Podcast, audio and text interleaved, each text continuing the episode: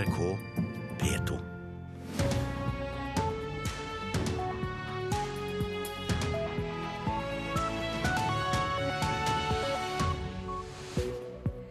Det er onsdag 2. juli, og her i Nyhetsmorgen blir det straks mer om disse sakene. Folk som er dømte til tvunget psykisk helsevern, slipper ikke ut av sykehus selv om de er ferdig behandla. For pasientene så betyr jo det at de blir sittende flere år lengre inne i institusjonen enn det som er nødvendig. Vi får en forskjellsbehandling i Norge ut fra at ikke det er klare kjøreregler. 6000 EU-borgere fikk seg jobb her i landet i løpet av de første månedene i år. Og millioner av mennesker kjemper for å overleve kring om i verden. En del av de humanitære krisene hører vi aldri noe om.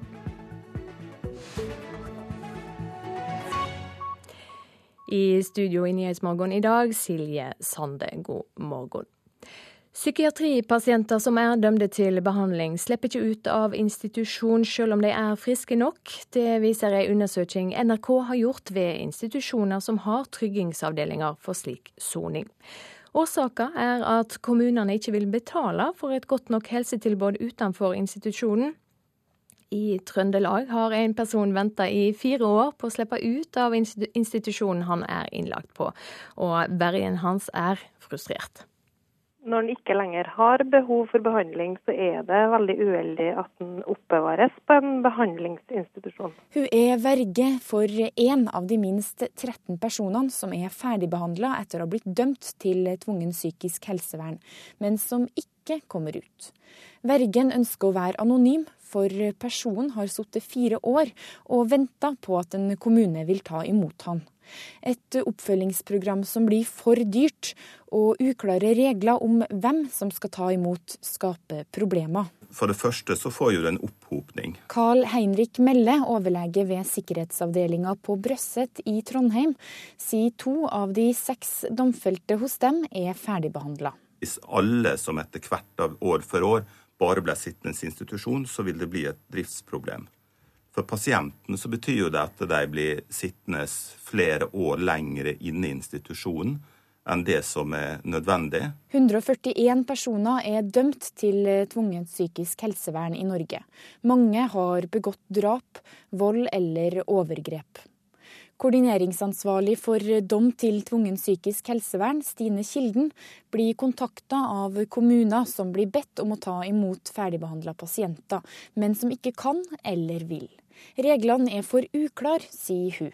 Det hadde vært veldig fint det kunne kommet noen klare føringer fra, fra lovgiver på, på, hvordan denne gruppen skulle vært håndtert. Den ene plassen den ene pasienten opptar, det er en viktig plass, for det er ikke så mange sengeplasser i psykiatrien i Norge. Ifølge de psykiatriske sikkerhetsavdelingene her i landet har de fleste av de elleve domfelte som er ferdigbehandla, venta i flere år på å få et botilbud i en kommune. Mange må ha spesiell tilrettelegging som kan koste opp mot 10 millioner kroner i året. Melle mener det er hovedårsaken til at kommuner kvier seg for å ta imot de som er dømt til særreaksjonen tvungen psykisk helsevern, og som er ferdigbehandla. Vi får en forskjellsbehandling i Norge ut fra at ikke det er klare kjøreregler. Slik at eh, avhengig av hvor du bor, vil du kunne få ulik behandling. For det andre er det helt åpenbart at som følge av manglende økonomi, så blir enkelte idømt særreaksjon flere ganger, der med et godt etablert kommunalt tilbud kunne gått innenfor det vi kaller vanlig psykisk helsevern. Selv om det ikke er en veldig stor gruppe, så, så trenger vi å få det ut, for det er andre som trenger de plassene. Reporter Marit Gjelland. Velkommen Lisbeth Normann, statssekretær for Høyre i Helse- og omsorgsdepartementet. Hvordan reagerer du på at disse pasientene har et strengere tryggingsregime enn det som egentlig er nødsynt? For oss er det jo viktig å si at vi er kjent med den problemstillingen. At eh, det for mange pasientgrupper, også disse, er eh, krevende å bli overført til en kommune. Og Derfor har vi varsla nå også at vi får en kommunereform med sammenslåing for å få større kommuner. Og Dernest har vi også styrka i kommuneproposisjonen midlene til psykisk helsevern eh, med 200 millioner. Og Det er jo fordi at vi ser at det er krevende utfordringer for en del pasientgrupper, også disse i, eh, i kommunene. Fordi det også krever veldig kompleks koordinering. Du skal både ha botilbud ofte, du skal koordinere med Nav, og, og de, mange av de skal ha tett helsetjenesteoppfølging. Så det er krevende oppgaver for kommunen. Eh, og Derfor har vi både styrka det med eh, økte midler, men også satsa mye mer på tverrfaglig eh, tilbud i kommunene, fordi vi mener det er for dårlig i dag. Ja, Vi hører jo her at spesiell tilrettelegging kan koste inntil 10 millioner kroner i året. Kommuneøkonomien, er det den som skal avgjøre dette? Ja, det er jo nettopp derfor vi har gått inn og sagt at det er viktig å styrke dette tilbudet. Både med midler, med de 200 millionene vi har varsla i kommuneproposisjonen, men også med økt kompetanse i kommunen. Vi har også styrka budsjettet med midler til eh, kompetanseheving i kommunen med 53 millioner. Og det er viktig at vi også legger til rette for å få gode systemer for å samarbeide på tvers. For Men er det er særlig det, da, det som er viktig for denne gruppen her. Er det da øremerka midler nettopp til eh, dette? Nei, Når vi øker rammen til kommunene, så er det jo sånn at det er kommunene som har sørgeforansvar for alle pasientgruppene sine. og Vi vet at det er utfordringer for flere, øh, og dette er en av dem. og Da er det viktig for oss å styrke tilbudet innenfor psykisk helsevern og rus, og det har vi gjort med penger. Og vi har også sagt at vi må satse mye bedre på tverrfaglig faglig samarbeid. Men tror du kommunene vil ta imot disse når det øker rammene, slik du sier? Ja, Nå har vi flere samarbeid med kommunene, også med KS som kommunenes interesseorganisasjon. og det er klart det er viktig for kommunene kommunene å kunne tilby tilbud til alle sine innbyggere. Eh, og så har vi også interdepartementalt samarbeid for å se på flere virkemidler. For det er ikke bare helsetjenester. Disse skal også ha botilbud og annet. Og vi har jo et godt virkemiddel i individuell plan. Og vil oppfordre både spesialisthelsetjenesten og kommunene å benytte det virkemidlet også. Men hvorfor er det ikke et, reg et tydelig regelverk som avklarer hvem som har ansvaret for å ta imot disse personene etter at de er ferdig behandla? Nei, regelverket tror jeg er ganske tydelig. Så lenge man er under dom for tvunget psykisk helsevern, så har spesialisthelsetjenesten ansvaret. Når de definerer at tjenestene kan foregå i kommunen, så er det kommunen som har sørget for ansvaret for innbyggerne sine, uavhengig av hva slags helsetilstand som er grunnen til at de skal ha tjenester. Så det regelverket er nok ganske tydelig, men det er nok en utfordring for kommuner og sykehus å samarbeide. Og da har vi bl.a. individuell plan som virkemiddel, og det kan nok benyttes bedre enn det gjør i dag. Men er det lovlig å ha folk på strengere tryggingstiltak enn dommene dere tilsier? Ja, det er jo viktig at, uh, tror jeg for meg å presisere at dette er jo uh, spesialisthelsetjenestens ansvar så lenge man er under dom for psykisk helsevern. og Da ligger det medisinskfaglige ansvaret for å definere hvor pasienten skal befinne seg, også der. Og så må kommunene i større grad enn i dag klare å ha et godt tilbud til denne gruppa pasienter og andre med store helseutfordringer. Takk skal du ha for at du kom i studio, Lisbeth Normann, statssekretær i Helse- og omsorgsdepartementet. Vi skal høre at bare i første kvartal i år har 6000 EU-borgere fått seg jobb i Norge. Det viser tall fra Servicesenter for utenlandske arbeidstakere.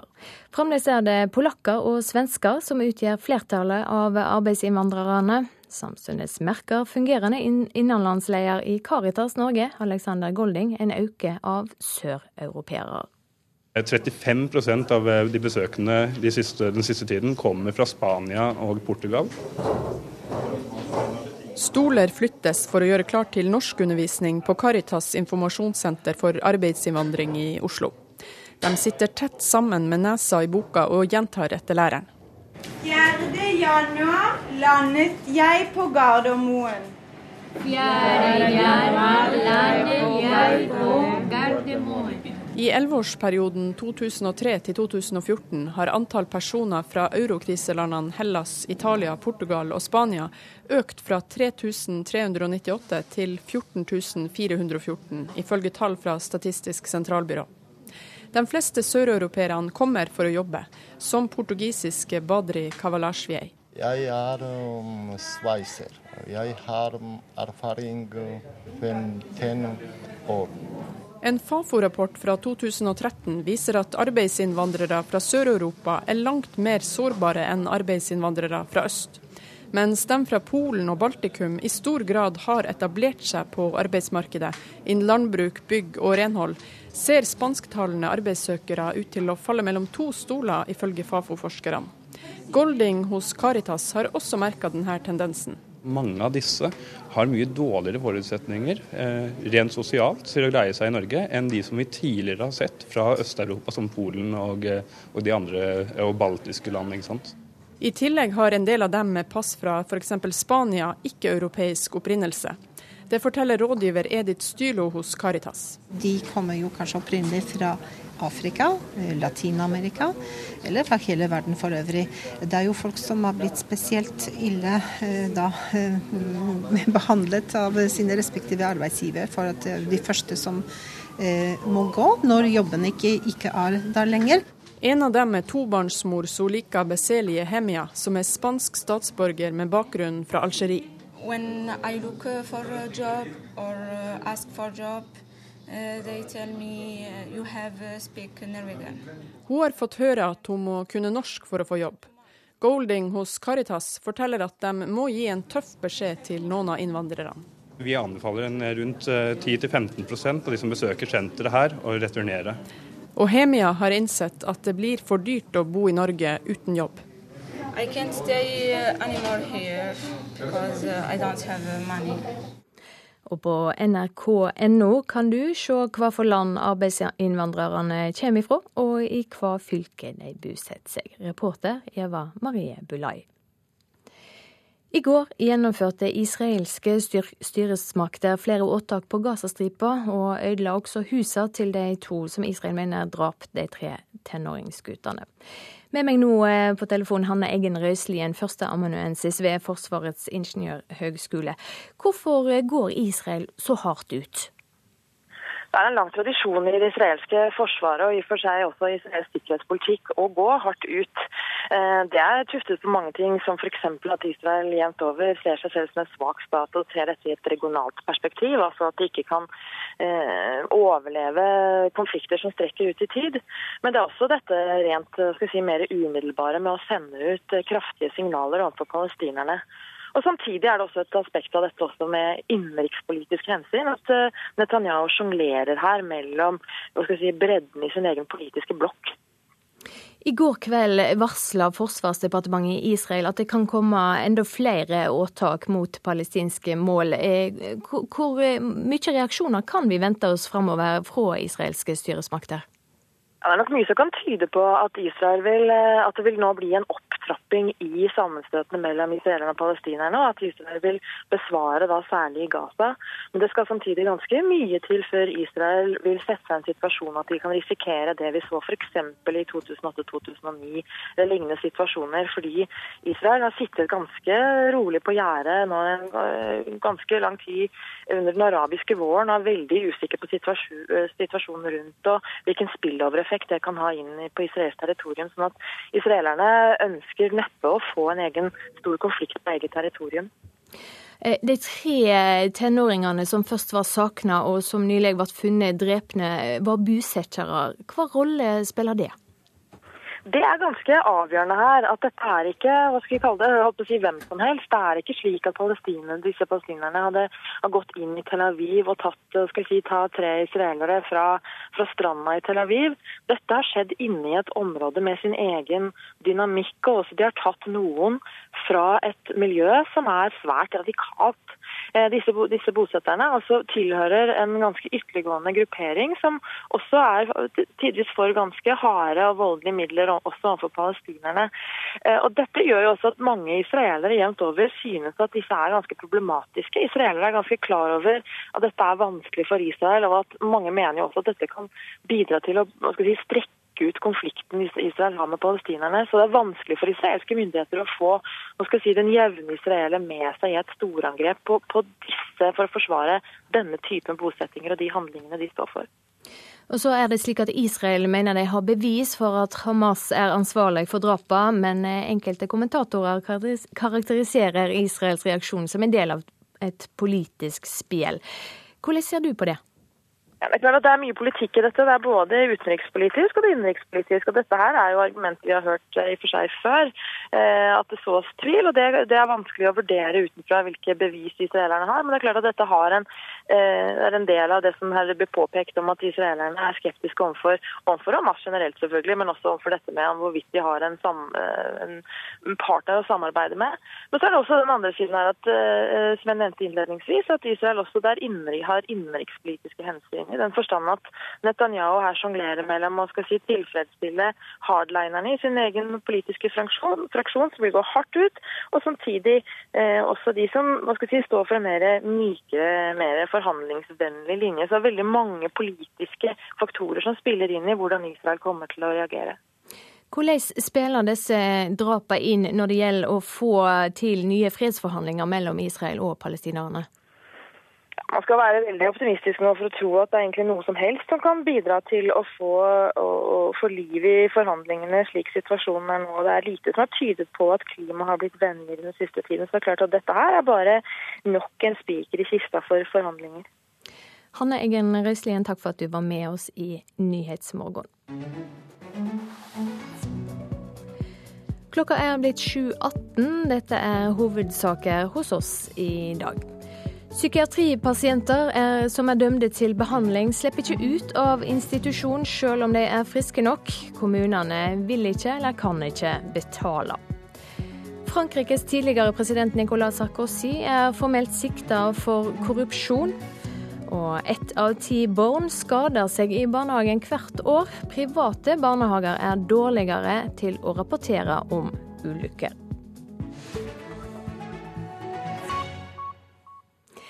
I dag lanserer Leger uten grenser årets liste over glemte kriser. Millioner av mennesker lever i humanitære kriser kring om i verden. Noen får mye oppmerksomhet og hjelp, mens andre blir glemte.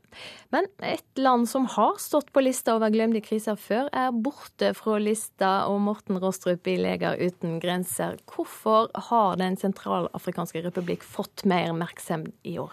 Det er jo det vi har eh, sett nøye på, fordi vi har hatt eh, dette landet på lista nå faktisk i tre år på rad. For det har vært en dyp humanitær krise i dette landet. Og det har vært eh, svært lite hjelp som er blitt gitt til befolkningen. Også svært liten politisk interesse. Så skjer det som skjedde i fjor, at det ble statskupp. Og senere, mot slutten av året, så begynte volden å eskalere til svært brutale nivåer. Og folk ble nedslaktet og drevet på flukt. Og eh, FN til og med på begynnelsen av året begynte å snakke om at dette kunne være begynnelsen på et folkemord. Og da krisen ble så alvorlig og så brutal, da fattet mange interesse for det. Media fattet interesse for det, politikere fattet interesse for det. Men da var allerede landet utfor stupet. Så det det forteller, og det vi tenker på, er at kunne man gjort noe annerledes hvis man hadde fått mye oppmerksomhet rundt denne glemte krisen på et tidligere tidspunkt? Ja, kunne en det?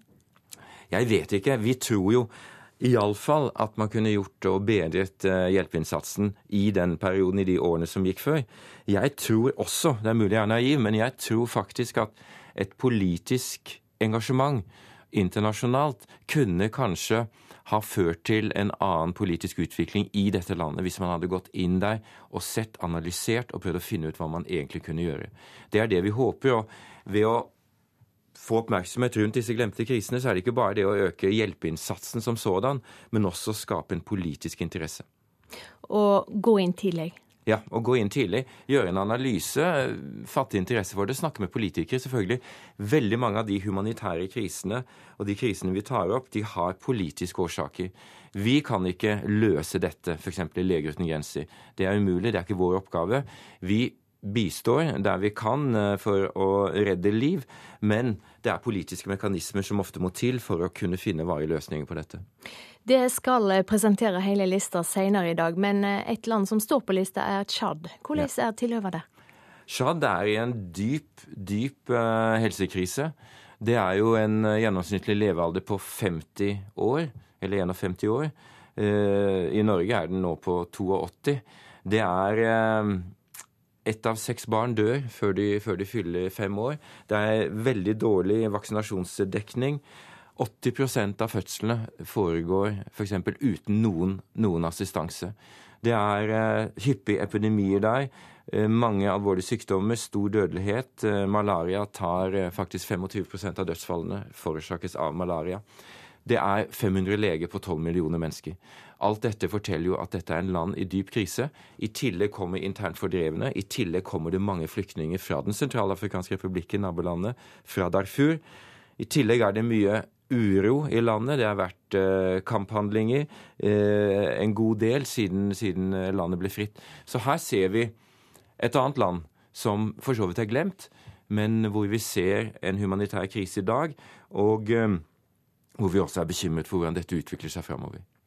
Takk skal du ha for at du kom i studio. Morten Rostrup, Leger uten grenser, presenterer altså senere i dag sin liste over glemte kriser.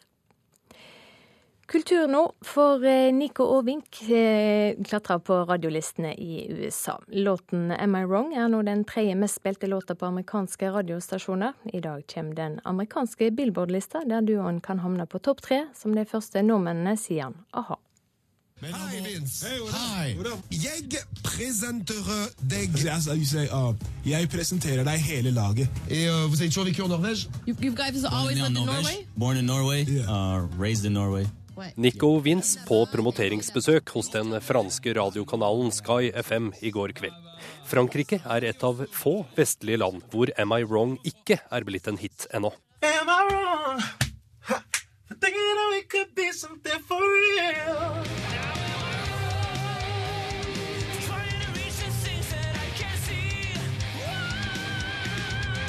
There's all my comes, in there's on the chill. For de utallige coverversjonene på YouTube vitner om at folk over hele verden nynner på Nico og Vins melodi. Og på den andre siden av Atlanterhavet har radiostasjonene for alvor lagt sin elsk på den norske duoens låt. Good morning, it's Jimmy Kim from Fresh 102.7. You hear their worldwide song all over the place, Am I Wrong? Everybody, it's Nico and Vince! Det er en fenger. Du kan spille den igjen og igjen, og du blir ikke lei. og Det viser jo da rotasjonene på amerikanske radiostasjoner, og det viser jo også hvor mye den selges i det amerikanske markedet. Det sier Marte Thorsby i plateselskapsorganisasjonen IFPI. Am I Wrong har den siste uka blitt spilt 15 230 ganger på amerikanske radiostasjoner. Det viser lista over de 40 mest spilte låtene på amerikansk radio som ble publisert i går. Låten er dermed den tredje største radiohiten i USA akkurat nå. Dette er en stor prestasjon, men det er klart det er veldig gøy for hele det norske musikkmiljøet også. Som viser at norsk musikk, og særlig norsk musikk på, på måte, i populærsjangeren, klarer å gjøre det så stort på det amerikanske markedet. Og i dag får vi svaret på om den norske duoen kan gjøre det få nordmenn har klart før dem, nemlig å havne på topp tre på verdens viktigste hitliste, Billboard Hot 100. Jeg håper, og jeg tror, at de klatrer enda høyere opp. Ja, duoen heter selvsagt Nico og Vince. Reporter Halvor Haugen. Vi skal ta en kikk på dagens aviser. En ny undersøking syner at bare 7% av oss skriver testamente. Alle bør vurdere om de skal gjøre det for å unngå arvebråk, skriver Dagbladet. Se opp, det er ikke bare Suárez du må passe deg for, skriver VG, for i sommer blir du bitt. Og ifølge avisa kan vi vente oss mer mygg, mer flått, mer veps og mer hoggorm. Unntak i lova har gjort søndag til handledag, forteller Aftenposten. Regjeringa kommer med framlegg om søndagsåpne butikker i hele landet. Det er allerede innført i hver femte kommune. Dagsavisen forteller om da Hamsun møtte Hitler. Professor Tore Rem skriver nå den første boka om møtet. Han setter punktum for spekulasjonene om at dikteren ikke var nazist, og kaller Hitler-møtet vår mest perverse øyeblink. Finanstilsynet melder han i løgndom til Økokrim for ulovlig innsidehandel. Sjøl visste han ikke om det, og ni dager senere begynner Bjørn Toften som fagkunnig dommer i Norge, Norges største skattesak, forteller Dagens Næringsliv. Salet på vasskutere og båtmotorer går til himmels etter at avgiftene ble fjerna 1.7. Vestfold Maritim blir nedrent av kunder og har tredobla salet i år, skriver Finansavisen. Bergens Tidende har snakka med en 23 år gammel maler som slutta for ett år siden. Han ser ingen framtid i håndverket sitt, og skylder på dårlig arbeidsmiljø som følge av østeuropeisk innvandring.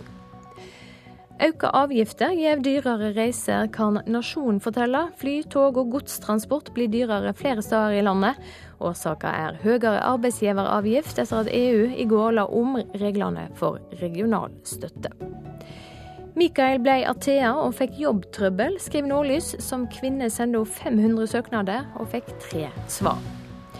Ibsen, en kristen ideolog, er overskrifta i Vårt Land. Avisa har snakka med forsker Jørgen Haugan, som ønsker å tegne et helt nytt bilde av dramatikeren Henrik Ibsen.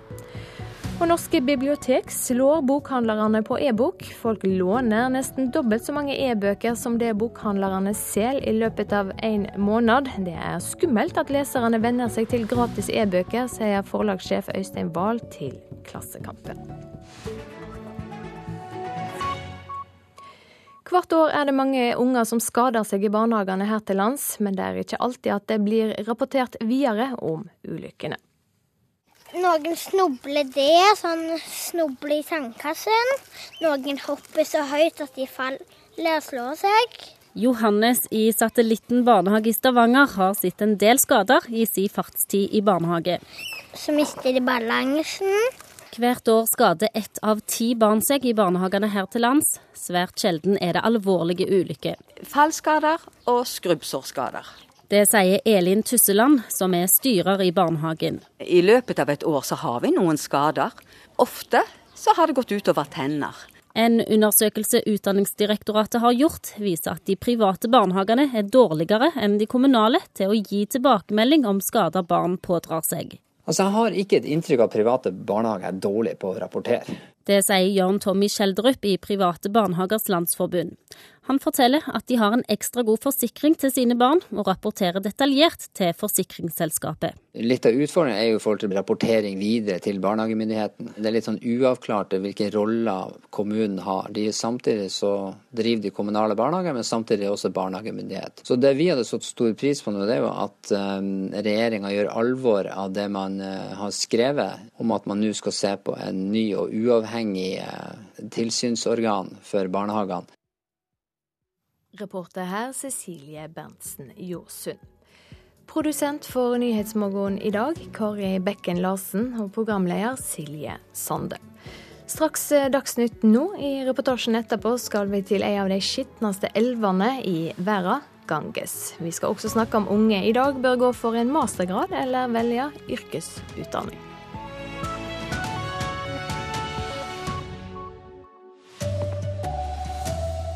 Personer dømt til tvungent psykisk helsevern slipper ikke ut av sykehus når de er ferdigbehandlet.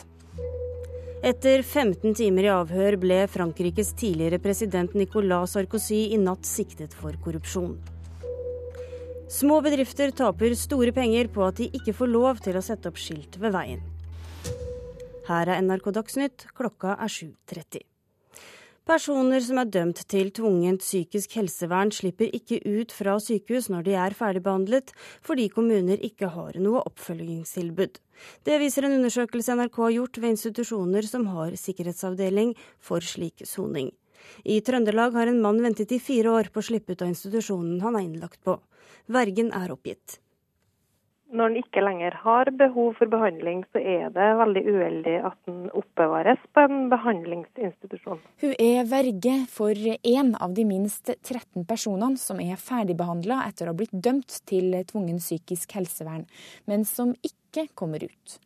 Vergen ønsker å være anonym, for personen har sittet fire år og venta på at en kommune vil ta imot han. Et oppfølgingsprogram som blir for dyrt, og uklare regler om hvem som skal ta imot, skaper problemer. For det første så får jo det en opphopning. Carl Heinrich Melle, overlege ved sikkerhetsavdelinga på Brøsset i Trondheim, sier to av de seks domfelte hos dem er ferdigbehandla. Hvis alle som etter hvert av år for år bare ble sittende i institusjon, så vil det bli et driftsproblem. For pasientene så betyr jo det at de blir sittende flere år lengre inne i institusjonen enn det som er nødvendig. 141 personer er dømt til tvungent psykisk helsevern i Norge. Mange har begått drap, vold eller overgrep. Koordineringsansvarlig for dom til tvungen psykisk helsevern, Stine Kilden, blir kontakta av kommuner som blir bedt om å ta imot ferdigbehandla pasienter, men som ikke kan eller vil. Reglene er for uklare, sier hun. Det hadde vært veldig fint det kunne kommet noen klare føringer fra, fra lovgiver på, på hvordan denne gruppen skulle vært håndtert. Den ene plassen, den ene pasienten opptar, det er en viktig plass. For det er ikke så mange sengeplasser i psykiatrien i Norge. Reporter Marit Gjelland. Og statssekretær for Høyre i Helse- og omsorgsdepartementet Lisbeth Nordmann innrømmer at tilbudet i kommunene er for dårlig. Og Derfor har vi varsla nå også at vi får en kommunereform med sammenslåing for å få større kommuner. Og Dernest har vi også styrka i kommuneproposisjonen midlene til psykisk helsevern eh, med 200 millioner. Og Det er jo fordi at vi ser at det er krevende utfordringer for en del pasientgrupper, også disse i, eh, i kommunene.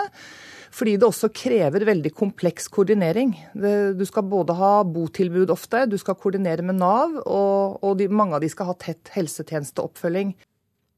På drøye ti år er antall jobbsøkere fra Sør-Europa over tredoblet. Over 14 000 kom til landet i fjor, men søreuropeere har dårligere forutsetninger for å komme inn på arbeidsmarkedet i Norge enn f.eks. polakker. Det mener fungerende innlandsleder i informasjonssenteret Caritas Norge, Alexander Golding. 35% av de besøkende de siste, den siste tiden kommer fra Spania og Portugal. Stoler flyttes for å gjøre klart til norskundervisning på Caritas informasjonssenter for arbeidsinnvandring i Oslo. De sitter tett sammen med nesa i boka og gjentar etter læreren. 4.1 landet jeg på Gardermoen.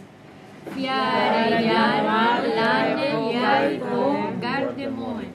I elleveårsperioden 2003 til 2014 har antall personer fra eurokriselandene Hellas, Italia, Portugal og Spania økt fra 3398 til 14414, ifølge tall fra Statistisk sentralbyrå. De fleste søreuropeerne kommer for å jobbe, som portugisiske Badri Kavalasjvij. Jeg er um, sveiser. Jeg har um, erfaring 15 uh, år. Men Golding i Caritas Norge merker at søreuropeerne stiller langt bak i arbeidskøen. Mange av disse har mye dårligere forutsetninger eh, rent sosialt til å greie seg i Norge enn de som vi tidligere har sett fra Øst-Europa, som Polen og, eh, og, de andre og baltiske land. ikke sant? Hvorfor det? Det er fordi de ikke har det samme etablerte nettverket i Norge som eh, polakker har. De har Polakkene f.eks. har kommet til Norge i store mengder siden eh, tidlig på 2000-tallet, mens eh, søreuropeerne er en relativt ny gruppe, og det merkes. Reporter Eva Marie Bulai. Frankrikes tidligere president Nicolas Sarkozy er siktet for korrupsjon, opplyser påtalemyndigheten. Han er mistenkt for å ha forsøkt å bestikke en dommer i forbindelse med etterforskningen av en korrupsjonssak. C'est là, c'est Sarko qui est arrivé. Ivrige journalister og fotografer fikk med seg den tidligere presidenten Nicolas Sarkozys kjøretur til hovedkvarteret til politiet i Nanterre i går. Det skal være første gang i Frankrikes moderne historie at en tidligere president har blitt satt i varetekt for avhør under ei etterforskning mistenkt for korrupsjon. Etter 15 timers avhør ble altså den tidligere presidenten siktet for korrupsjon og forsøk på påvirkning ifølge den franske påtalemyndigheten. Sarkozy er mistenkt for å ha forsøkt å påvirke etterforskningen av en korrupsjonssak, samt forsøke å få tak i opplysninger fra en av dommerne. En nyhetsoppleser presenterer saken på fransk TV. Interessen er enorm. Og for Sarkozy som håper på et politisk comeback under neste presidentvalg i 2017, er spørsmålet hvor store konsekvensene blir. Ifølge nyhetsbyrået Reuters kan Sarkozy få opptil ti år i fengsel hvis han blir dømt. Og Sarkozy avviser at han har gjort noe ulovlig. Reporter Maria Abdli. En palestinsk tenåring fra Øst-Jerusalem er funnet drept, det melder den israelske hæren. De mistenker at dette er en hevnaksjon for drapene på tre israelske tenåringer som ble funnet mandag kveld. Den palestinske gutten skal ha blitt tvunget inn i en bil og ble i dag tidlig funnet død i et annet område av byen. Hele besetningen på fire ble i dag drept da et kenyansk transportfly styrtet inn i en bygning rett etter at det tok av fra hovedflyplassen i Nairobi. Det melder kenyanske medier. Små reiselivsbedrifter taper store penger på at de ikke får sette opp skilt langs veiene. De mener Vegvesenet er urettferdig byråkratisk og at skiltnekten setter mange bedrifter i fare. Rita Taule har i tre år prøvd å få skilt til gårdsbutikken hun driver i Samnanger. De er lite samarbeidsvillige, rett og slett. Bilene på fylkesvei 7 veit kanskje ikke hva de kjører forbi. De lokale spesialitetene er gjemt bak dagligvarebutikken. Det er fremdeles masse folk inne i butikken som sier 'å, en ny butikk'. Har vi aldri sett før. Han som organisasjon bruker nesten et halvt årsverk på å hjelpe produsentene med å få opp disse skiltene. og Sånn skulle det ikke være. Jan Kjosås er styreleder i organisasjonen som skal hjelpe små reiselivsbedrifter opp og fram. Han mener Vegvesenet er en av de største hindringene. Og de finner en eller annen grunn som eh, gjør at vi ikke får opp disse skiltene. Og det er mange årsaker til at somme får skiltnekt. F.eks. at det er for mange skilt på staden allerede.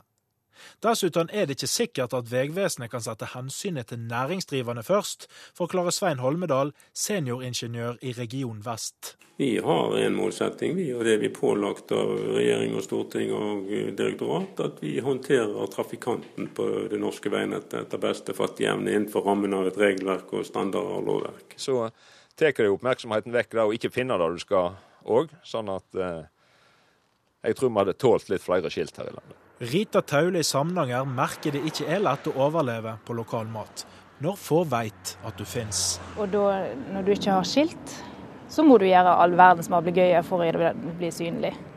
Så det er egentlig det. Vi vil bli synlig. Reporter Oddgeir Øystese. Jeg har jobbet for et slikt øyeblikk i hele mitt liv. Det sier Belgias Romelu Lukaku etter at han avgjorde åttendedelsfinalen mot USA i ekstraomgangene i VM i går. Inn i feltet, og så er det skåring! Det er eh, Lukaku som gjør målet for Belgia. det var veldig følelsesladd i dag, og nå har jeg den beste følelsen jeg har hatt i hele mitt liv. Jeg gråt nesten ute på banen, for jeg har jobbet for et slikt øyeblikk i hele mitt liv, og nå får jeg oppleve det i en alder av 21.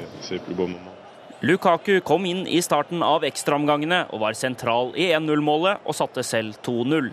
USA reduserte, men Belgia holdt unna, og trener Mark Wilmot mente det var en fortjent seier. Man må være veldig påslått i en slik kamp, og det var vi. Så dette fortjente vi virkelig. Reporter Vegard Aulstad. Ansvarlig for sendingen var Astrid Randen, teknisk ansvarlig Hanne Lunås og i studio Tonje Grimstad.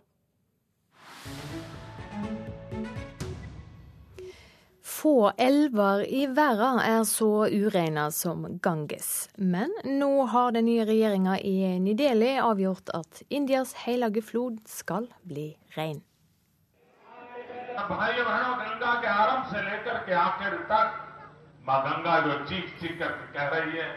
Dagen etter valgseieren for halvannen måned siden reiste Indias nye statsminister Narendra Modi til Varanasi, Indias helligste by ved bredden av Ganga, som inderne sier. Der la han inn et godt ord for Ganges, moder India, som innbyggerne ofte kaller elven. Hun gråter fra begynnelse til slutt, sa Modi, og fortsatte hun venter nå på at hennes sønner skal fri henne fra forurensning. Da han senere dannet regjering, opprettet Modi et eget departement for vannressurser, elveutvikling og Ganges-renskning. Den nyutnevnte Ganges-minister Oma Barti sier at de er i tidsnød, og at noe må gjøres nå. मान लीजिए कोई ऐसी अपरिहार्य स्थितियां हैं कि कोई स्थान वहां से हट नहीं सकता Ganges er 2500 km lang. Kilden ligger i Himalaya, og den renner ut i Bengalbukta. Mer enn 400 millioner mennesker bor og lever langs det som i ytterste konsekvens kan kalles elvebredden. Ganges folke ville ha vært verdens tredje mest folkerike stat. Og denne nasjonen av elvebreddbeboere forholder seg til sin flod. For sitt levebrød, sitt vannbehov og sin hygiene, som søppelplass, avfallsdunk og kloakk. Med andre ord badekar og dass i samme kulp. Det er ufint sagt, men virkeligheten er verre, mye, mye verre enn ordvalget. Manoj Gupta er én av disse 400 millionene. Han forteller at det er ingen toaletter langs elvene. Og om det er noen, ja, så virker de ikke.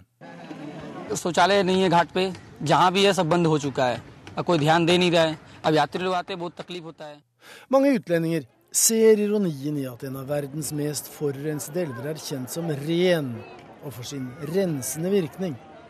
Men det hellige menn, pilegrimer og troende hinduer tenker på, er åndelig renselse.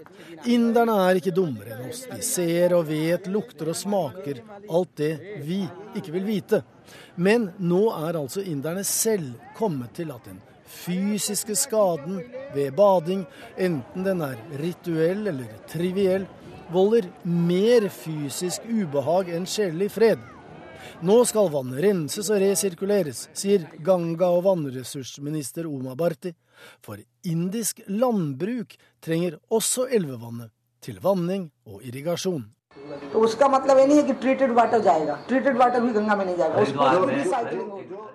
I første omgang skal det bygges 3000 toaletter i og rundt Varanasi. Men som denne skeptikeren sier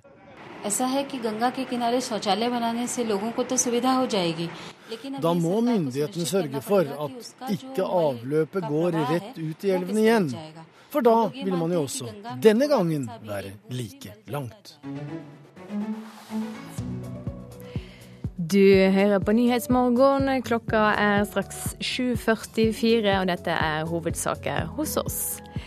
Psykiatripasienter som er dømte til behandling, slipper ikke ut av institusjon selv om de er friske nok. Kommuner har ikke råd til å ta imot dem. Frankrikes tidligere president Nicolas Sarkozy er formelt sikta for korrupsjon. Og flere enn 6000 EU-borgere har fått jobb i Norge i år. Mesteparten av dem kommer fra Sverige og Polen.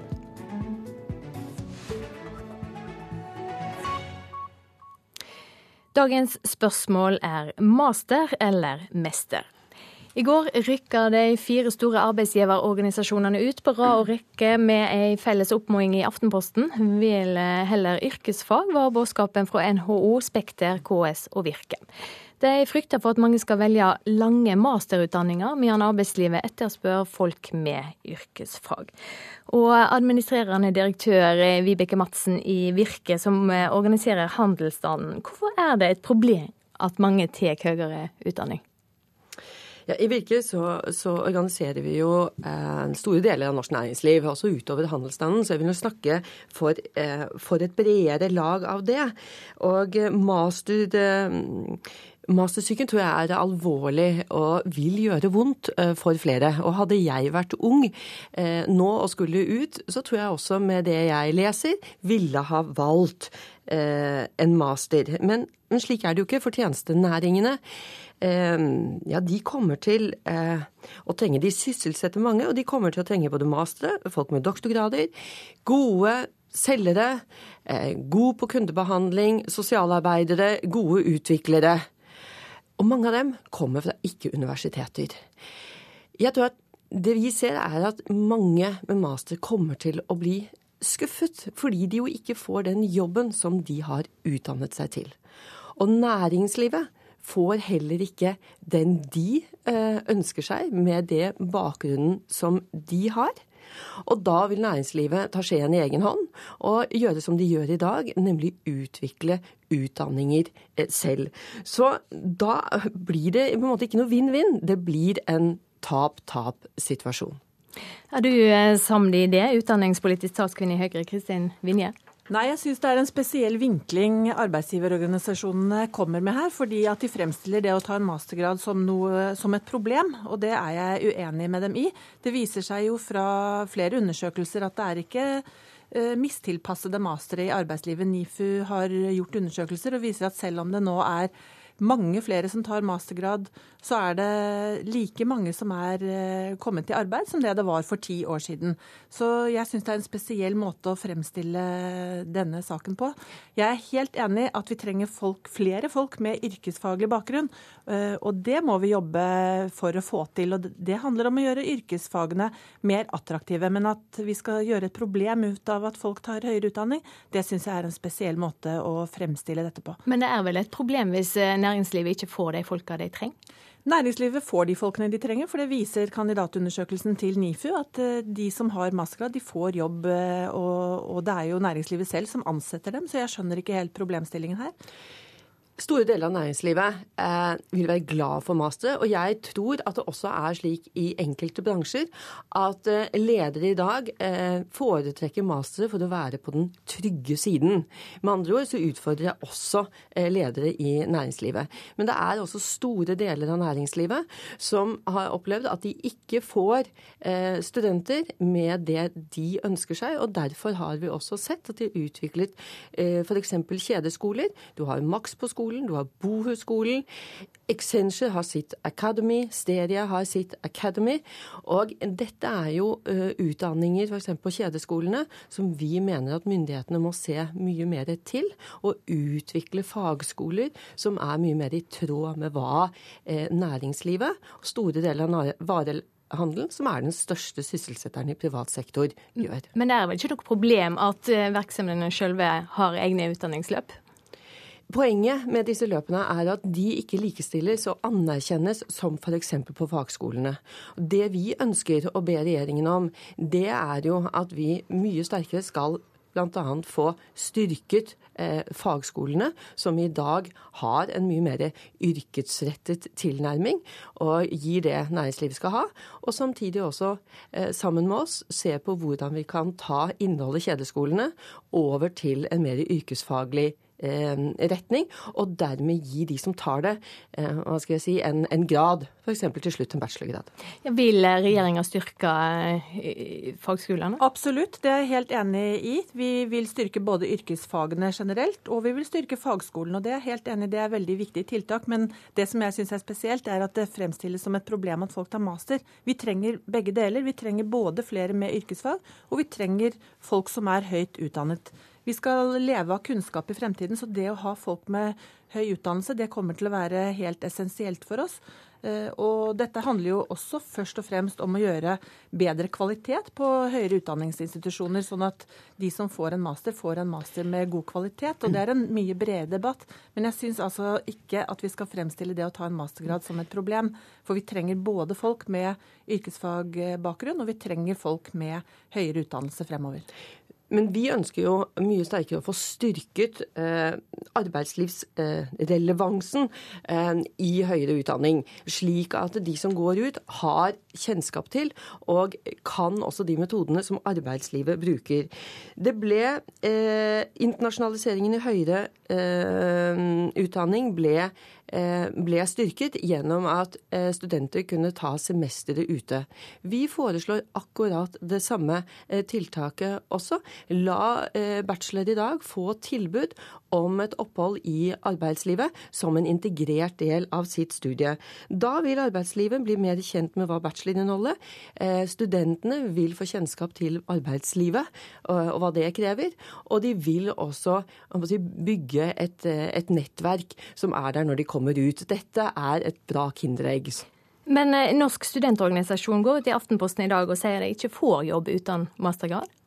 Jeg tror at innenfor eh, enkelte bransjer og sektorer så er det blitt slik at jeg tror ledere safer ved å, å kreve master. Og så er det jo også sånn, som jeg er enig med Kristin Vinje, at det er mange som ønsker det. Men det er altså store deler innenfor eh, de private tjenesteytende næringene, der hvor det er størst sysselsetting, som ikke eh, trenger den utdannelsen. Og da, Det er jo ikke problemet at du har en merutdanning, men for mange vil det oppfattes som en feilutdanning. Nei, Det er jo selvfølgelig viktig at folk eh, utdanner seg på rett nivå til det de er interessert i. Men vi må ikke glemme også at hvis du har tatt en master og kommer i en jobb, så vil du ha med deg en tyngde. Du vil bidra til innovasjon og utvikling. Du vil kanskje gjøre jobben på en annen måte enn det man ville gjort uten å ha den tyngden en master representerer. Sånn at vi må ikke heller glemme den eh, delen av det. Så, så jeg syns eh, det å sykeliggjøre en mastergrad, det blir helt feil. Jeg tror ikke vi er så veldig uenige om hva vi trenger. Men jeg syns bare den debatten er helt feil giret. Jeg syns vi må kunne diskutere ut ifra at vi trenger både flere med yrkesfag, og vi trenger også flere med høyere utdanning. Men her er jo næringene ganske ærlige, f.eks. innenfor varehandel, som sier at, at en med eh, master har en forventning til hvilke oppgaver som skal ligge der, og hvilken utvikling som skal ha. Det er ikke det næringslivet og trenger trenger. Eh, og derfor opplever de at de på mange måter er overkvalifisert, og ser at det er ikke de oppgavene og det som vedkommende har forventninger. Og da blir det jo feil når verken studenten eller den som er ferdig, får det de ønsker seg, og næringslivet ikke får den kompetansen de ønsker seg. Da tar næringslivet skjeen i egen hånd og utvikler egne skoler som vi ønsker at vi skal se eh, mer på. Så vi får altså en, en yrkesrettet uh, utdanning som er der for hele næringslivet, og ikke bare deler av næringslivet, som vi har i dag. Til slutt, eh, Kristin Vinje, ville du sjøl rå egne barn til å velge yrkesfag framfor mange år på universitet eller høgskole? Jeg vil råde dem til å tenke etter hva de egentlig vil selv. Det er veldig avhengig av hva de vil selv. Jeg vil først og fremst råde folk til å ta den utdannelsen de har lyst til. Og så vil de tilpasse seg etter hvert. Eh, og det er veldig forskjellig. Jeg har fire barn, og de er veldig ulike. Og jeg håper at de tenker gjennom og velger det som de syns høres mest interessant ut. Hva med deg, Madsen? Ja, det er jeg enig i. Jeg har to gutter, og jeg, de har valgt hver sin retning. Så her må vi se på det. Men igjen så er det viktig at vi som foreldre også er med og hjelper til å si kunnskap om næringslivet, noe jeg også ønsker at skolen skal få. Takk skal dere ha for at dere kom i studio, Vibeke Madsen og Kristin Vinje. Vi skal ha vår faste sommerspalte.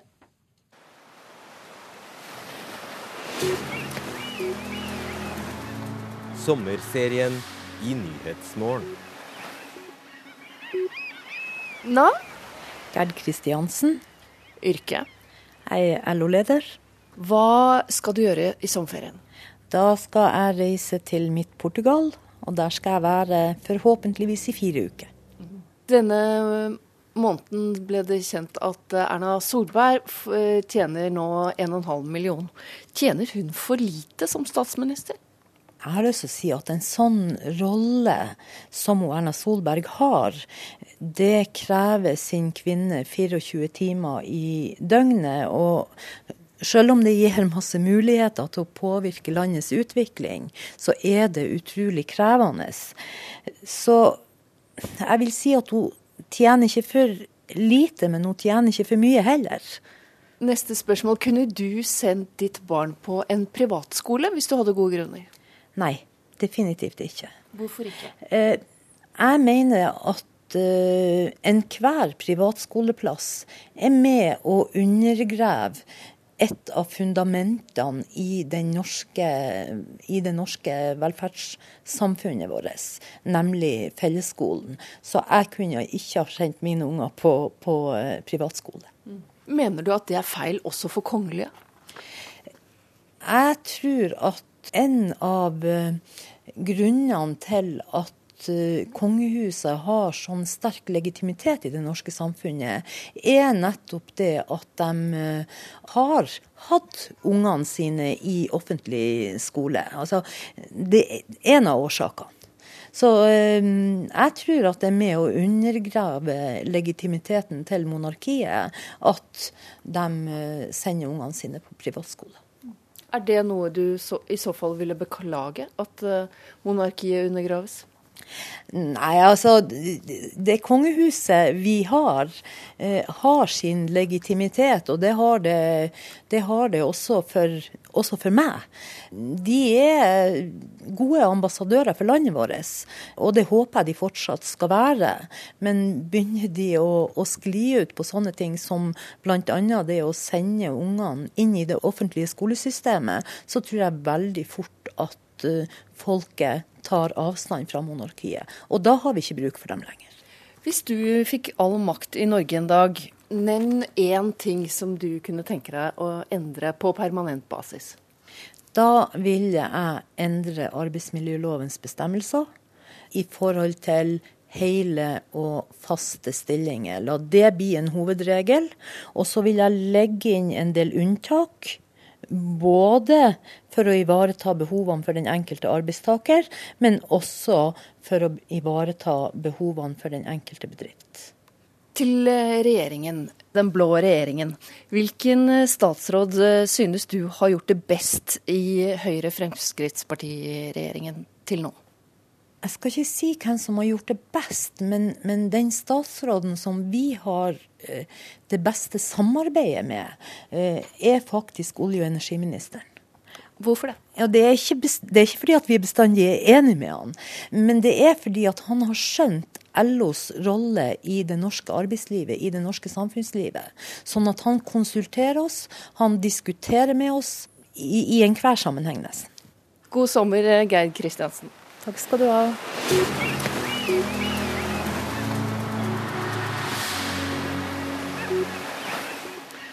Det var eh, Hedvig Bjørgum som var reporter her. Vi skal ha et værvarsel som gjelder fram til midnatt. Fjellet i Sør-Norge stort sett fint vær, lokal morgenskodde. Fra i ettermiddag enkelte regnbyger og utrygt for torevær. Østlandet og Telemark stort sett fint vær, men fra i ettermiddag lokale regnbyger i indre strøk. Utrygt for torevær. Agder på kysten øst for Lindesnes sørvestlig opp i liten kuling. Enkelte ettermiddagsbyer og utrygt for torevær, vesentlig i indre strøk. Ellers mye fint vær. Vestlandet sør for Stad. Først på dagen lokal skodde, ellers til dels fint vær. I kveld sørlig liten kuling på kysten nord for Boknafjorden. Tilskyende, senere regn i ytre stråk. Møre og Romsdal først på dagen lokal skodde. Ettermiddagsbyer i indre stråk, ellers til dels fint vær. I kveld sørlig liten kuling på Sunnmøre. Tilskyende og senere regn på Sunnmøre. Trøndelag. Først på dagen lokal skodde. I indre sørlige strøk lokale ettermiddagsbyer og utrygt for torevær. Ellers fint. Nordland og Troms får enkelte ettermiddagsbyer i indre strøk. Kan hende med torevær, ellers mye fint vær. Finnmark til dels fint vær, men lave skyer i øst. I kveld liten kuling. Og Nordensjøland på Spitsbergen får opphold og gløtt av sol. Vi skal ha temperaturlista. De var målt for én time siden. Svalbard lufthavn seks, Kirkenes åtte, Vardø sju, Alta tolv. Tromsø-Langnes ti, Bodø elleve, Brønnøysund elleve, Trondheim-Værnes ti. Molde 11, Bergen-Flesland 9, Stavanger 10, Kristiansand-Kjevik 12, Gardermoen 11, Lillehammer 11, Røros 7 og Oslo-Blindern hadde 14 grader for en time siden. I Finnmark og på Spitsbergen er det venta omtrent uendra temperaturer, og ellers blir det litt varmere. Og det er fremdeles stor lokal skogbrannfare på Vestlandet og sør for Stad, Agder og i Telemark, der det ikke har kommet nedbør. Hør flere podkaster på nrk.no podkast.